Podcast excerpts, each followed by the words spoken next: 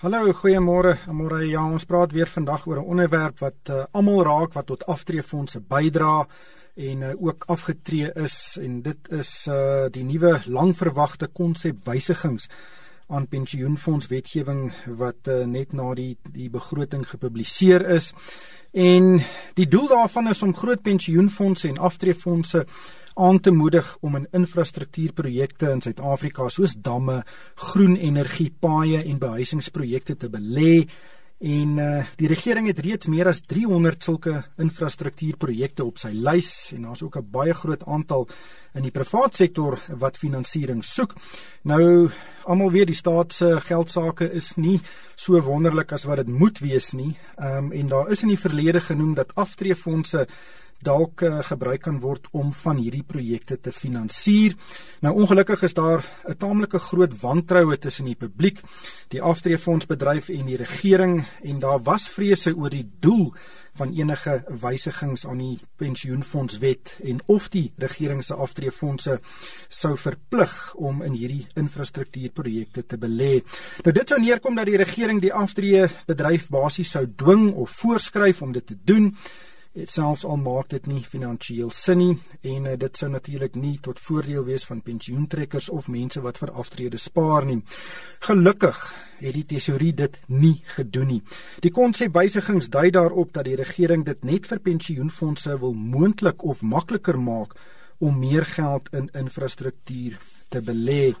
En uh, die keuse om te belê of nie bly steeds heeltemal in die hande van die bestuurders van die aftreefondse en dit is waaroor ons vandag gaan gesels. Dit is 'n kritieke onderwerp wat in die verlede baie baie emosie ontlok het.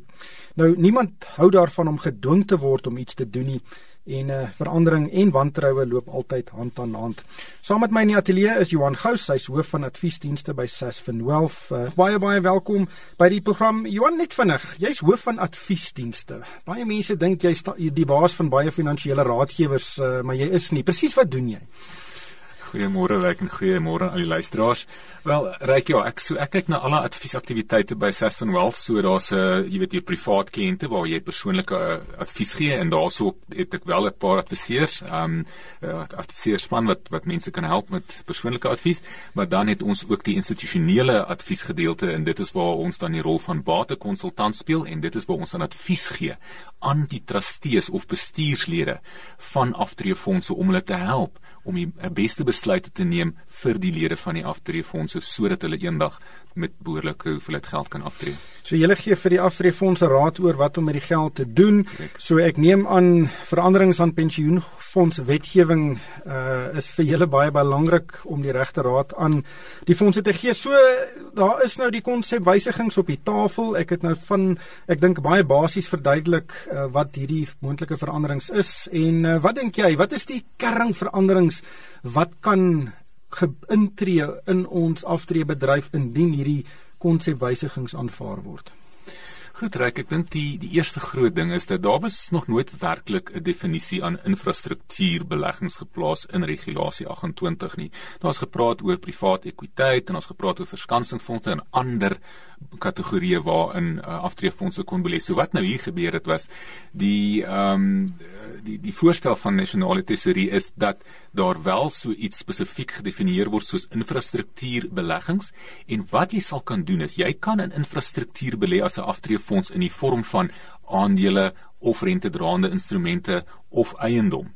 En wat ook verder gebeur dan is dat jy mag tot jy mag in infrastruktuur belê tot en met 'n maksimum van 45% van die totale bates van daai portefeulje van die aftreefonds. So dit is nie 'n jy moet nie, dit is net 'n limiet. En binne daai 45% mag jy dan net 25% maksimum in 'n spesifieke entiteit vir infrastruktuur belê. Ja, hierdie raak ingewikkeld, maar ek wil dit nou so eenvoudig as moontlik uiteensit. Kyk, tans word die bedryf gereguleer deur hierdie uh regulasie 28 wat almal baie keer bietjie warm onder die kraag maak. En dit dwing in aanhalingstekens of skryf voor aan die aftreefondsbedryf waarin hulle kan belê en hoeveel mag hulle daarin belê. So jy mag net 'n sekere hoeveelheid in aandele belê, jy mag net 'n sekere hoeveelheid in eiendom, genoteerde eiendom belê, jy mag net 'n sekere hoeveelheid in rentedraande produkte soos staatseffekte of kontant belê en dan die omstrede een is jy mag net 30% van jou portefeulje in die buiteland hê. So is baie voorskrifklik. So wat die voorstelle nou is dat dit 'n bietjie verslap word dat jy meer van daai geld nou ook in individuele infrastruktuurprojekte kan belê en jy het nou gesê tot 'n maksimum van 45% uh, van 'n fonds. Dit is 'n baie groot uh, verandering.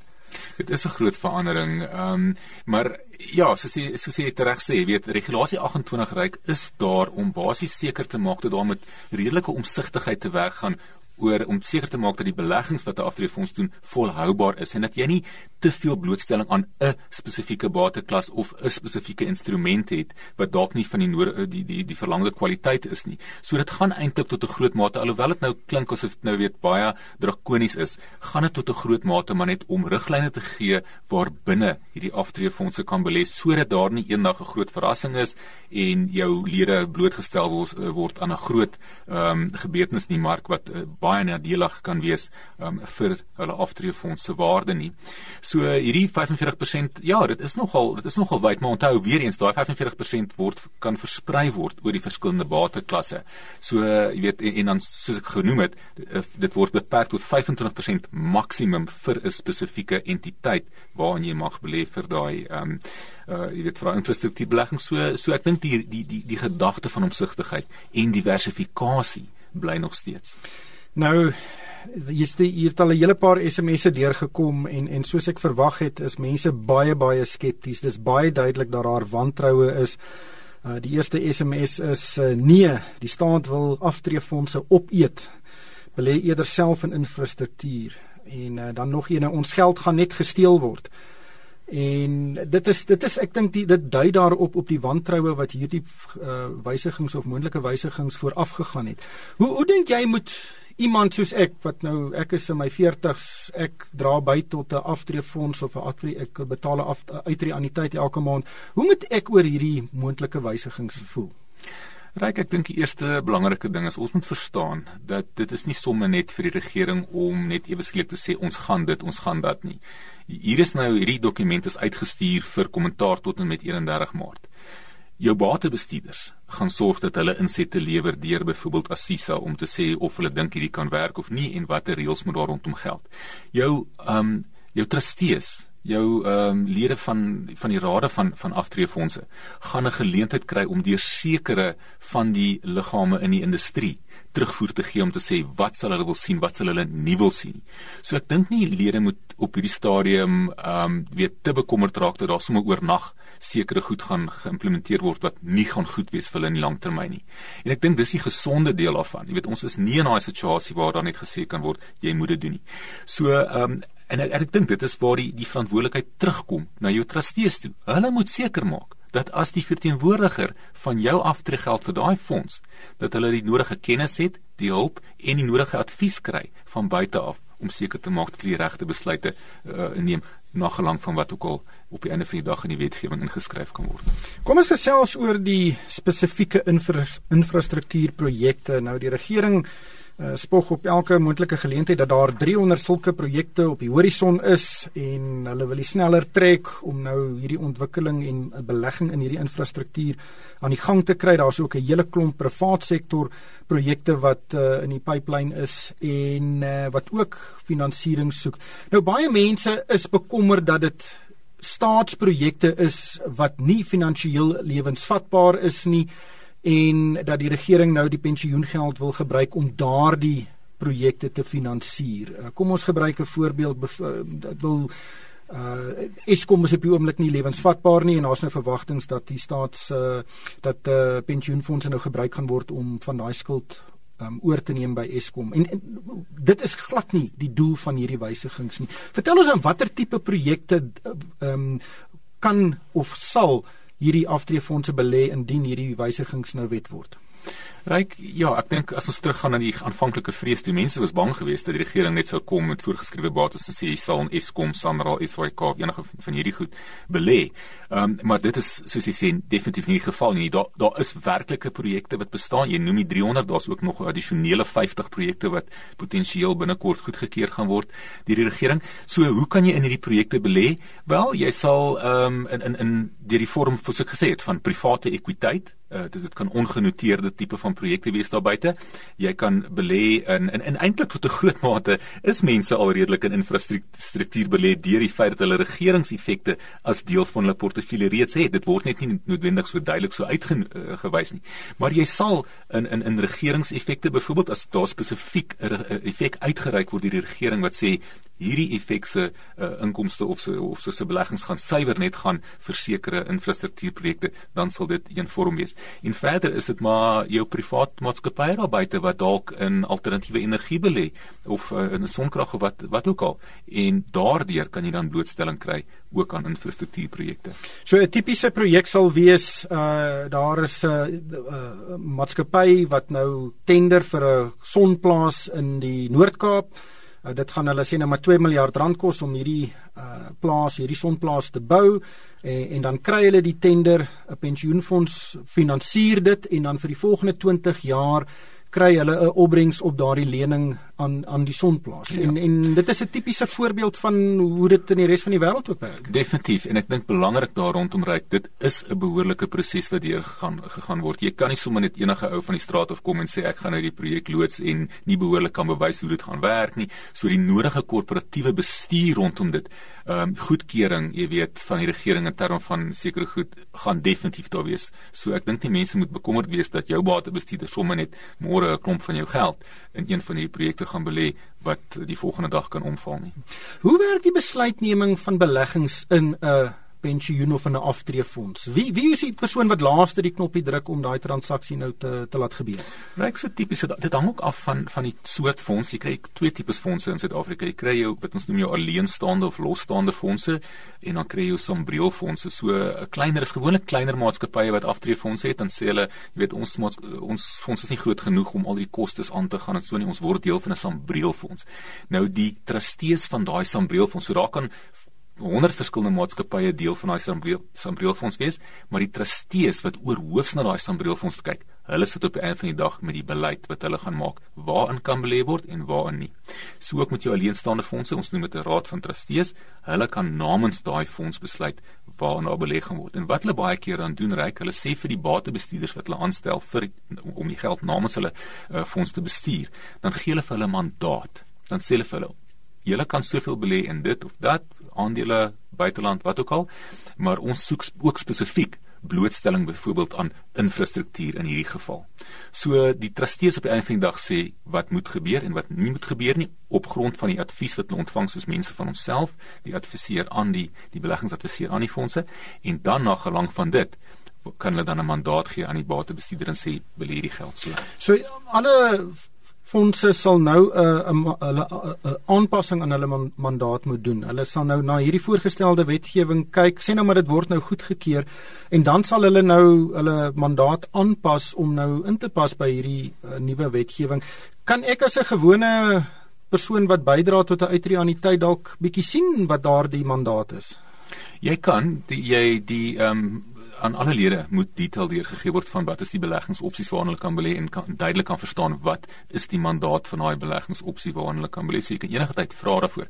Jou vraag oor gaan al die fondse hulle mandaat moet verander? Nie noodwendig nie. Jou groter aftreefondse, jou werklike groot maatskappye wat alleenstaande fondse het. Hulle het gewoonlik um, spesifieke mandate wat hulle kan sê vir die batebestuurder waarom te belê of nie te belê nie. Kleiner fondse wat tipies deel is van 'n sambreelfonds, hulle het nie noodwendig daai mag nie, want hulle het nie daai hoeveelheid geld om vir 'n batebestuurder te sê presies wat hulle moet doen. So hulle gaan heel moontlik in kollektiewe beleggings belê waaraan hulle en 'n klomp ander aftreefondse ook belê. So elkeen kan nie sy eie sê hê nie, maar definitief met jou groot fondse gaan hulle heel moontlik nou na hulle mandate kyk, begin kyk en sê, jy weet, hoe, hoe gaan ons hierdie begin inwerk in ons mandaat vir ons batebestuurder? Kan hierdie fondse goeie geld maak uit hierdie infrastruktuurprojekte? Ryk dit gaan, jy weet, ek dink die punt wat ek hier net wil uitwys is dat soos wat jou batebestuurder gesonde besluite gaan neem rondom watter aandele hy gaan belê, hoeveel in daai aandeel of in watter staats-effek of enige ander korporatiewe effek, watter instrument ook al vir die portefeulje kies, so gaan hulle dieselfde omsigtigheid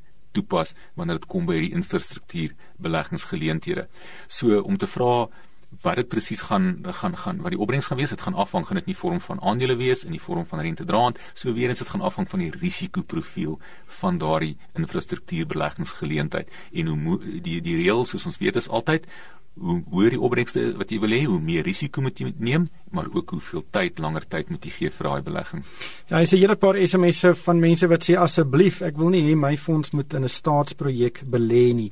Maar dit is waar ook nou diskresie inkom van hierdie fondse. Hulle kan daai besluit neem en sê okay, ons gaan net in private sektor projekte belê. Korrek, dit is so. Dit hulle kan dit definitief doen. Soos ek sê, ehm um, jy weet, ek dink ook uh, enige van hierdie kleiner fondse wat nou basies in die hande van die van die batebestuurder is in die vorm van 'n kollektiewe belegging, as daardie batebestuurder op enige stadium 'n drastiese aanpassing aan sy mandaat van sy kollektiewe belegging gaan maak, moet hy in elk geval aan al die kliënte. Sê dit is die aanpassings wat ek wil maak. Ek gaan nou begin om infrastruktuur in te besluit in te sluit. Dit is die tipe van projekte waarna ek kyk. En dan kan daai ehm um, daai fonds of daai raad van trustees 'n ingeligte besluit neem of hulle deel wil wees van daai ver verandering in die mandaat en of hulle dalk eerder na 'n ander batebestuurder wil skuif. Ja, ek dink met verandering kom daar agterdog, soos ons nou ja. baie duidelik uit die SMS'e kan sien, daar's ook groot wantroue soos mense nou dit ook kan interpreteer uit die SMS'e, maar is hierdie nodig? Is daar 'n behoefte van pensioen en aftreefondse om in infrastruktuur te belê?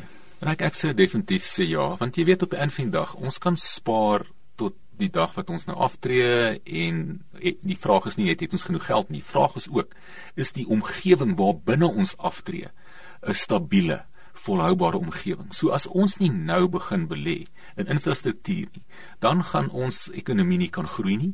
Ons gaan met geweldige hoeveelheid skuld sit as 'n regering. Ons weet die skuldvlakke is besig om al baie sterk na die 100% van van uh, bruto binnelandse produk te styg en dit gaan 'n groot druk op die fiskus plaas rondom rentebetalings vir alles ons nog verdere kredietafgradering sou kry. So ek dink die antwoord is ons het eintlik nie 'n keuse nie. Ons moet nou begin anders kyk en dink hieroor.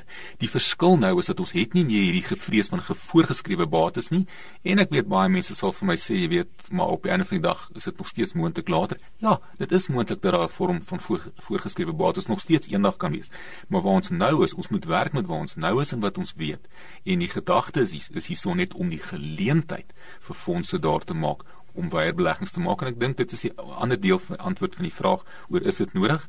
Ja, infrastruktuurprojekte het dalk nie so direkte korrelasie soos dit met jou gewone aandele en staatseffekte en eiendomsbeleggings um, het nie. So weer eens kan infrastruktuur vir jou bietjie van 'n diversifikasie in jou portefeulje inbring en ons weet daar's baie van die bateklasse wat die laaste paar jaar nie baie goed presteer het nie en ons van hierdie infrastruktuurprojekte wat ek dink tog vir jou goeie volhoubare opbrengste kan bied.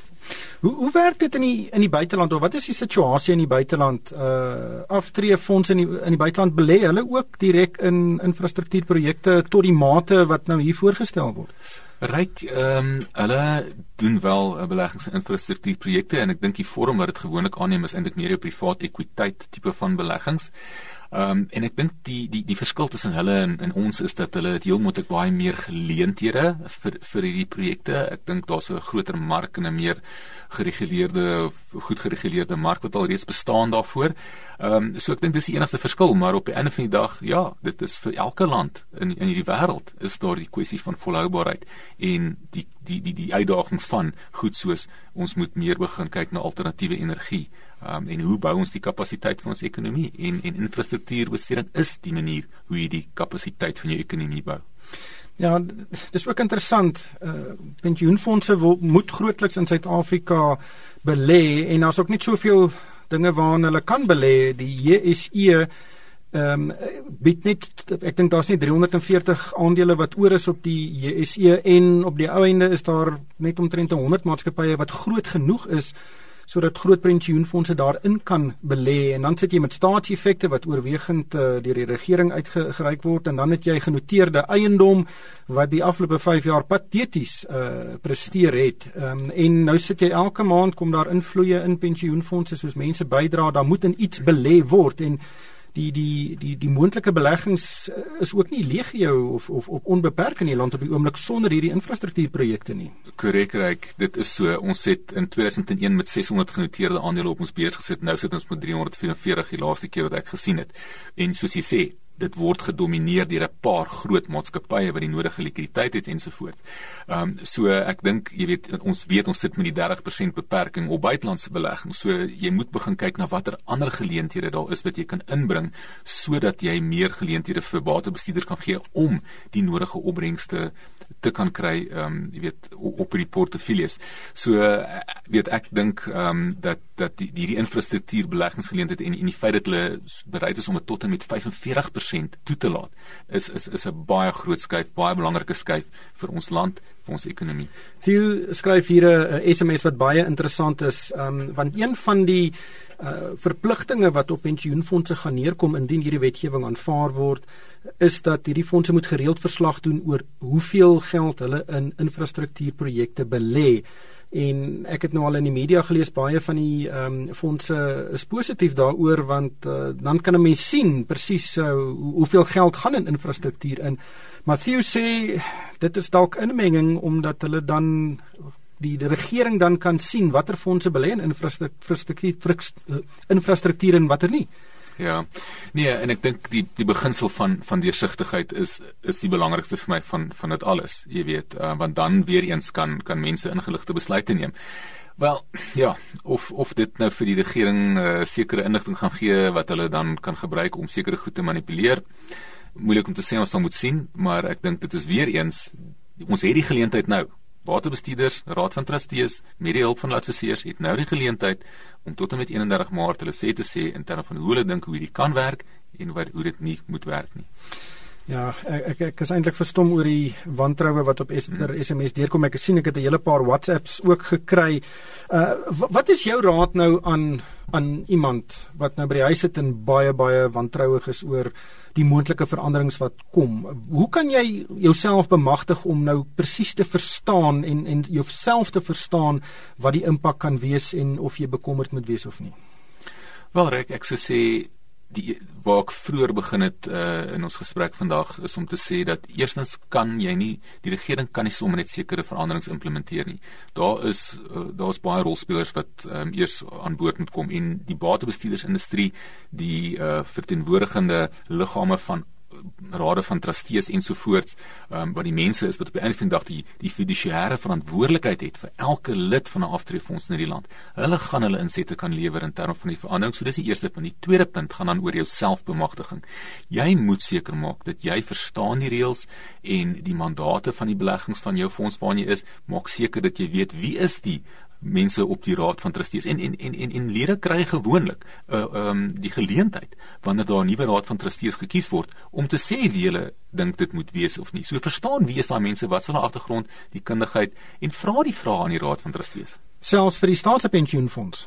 Die staatspensioenfonds is dit so 'n bietjie anderste. Daarso ehm um, jy weet, is dit meer van die regering wat wat te sê het in terme van jy weet wie op daardie raad van trustees tipies sal dien. Ons weet daar was onlangs redelike omwentelinge geweest, maar daar is ook die die die die kwessie van onafhanklikheid is so 'n bietjie harder gedryf nou in terme van die van die staats ehm um, pensioenfonds. Maar, maar 'n lid kan nog steeds uh, die 'n uh, kopie van die mandaat in die hande kry. Ja, nee, dit dit bly nog steeds 'n aftreefonds of dit nou staats is of privaat, dit bly 'n aftreefonds ons en daar sekere regulasies wat vereis dat daar volle deursigtig uh, deursigtigheid moet wees en ook goeie kommunikasie van die raad van trustees aan alle lede. Maar Johan, baie dankie vir jou tyd en insigte van vanoggend. Dit was Johan Gous, hy's hoof van adviesdienste by Sasfin Wealth. En daarmee moet ons groet van my ryk van die kerk en die Manuweb span. Dankie vir die saamluister.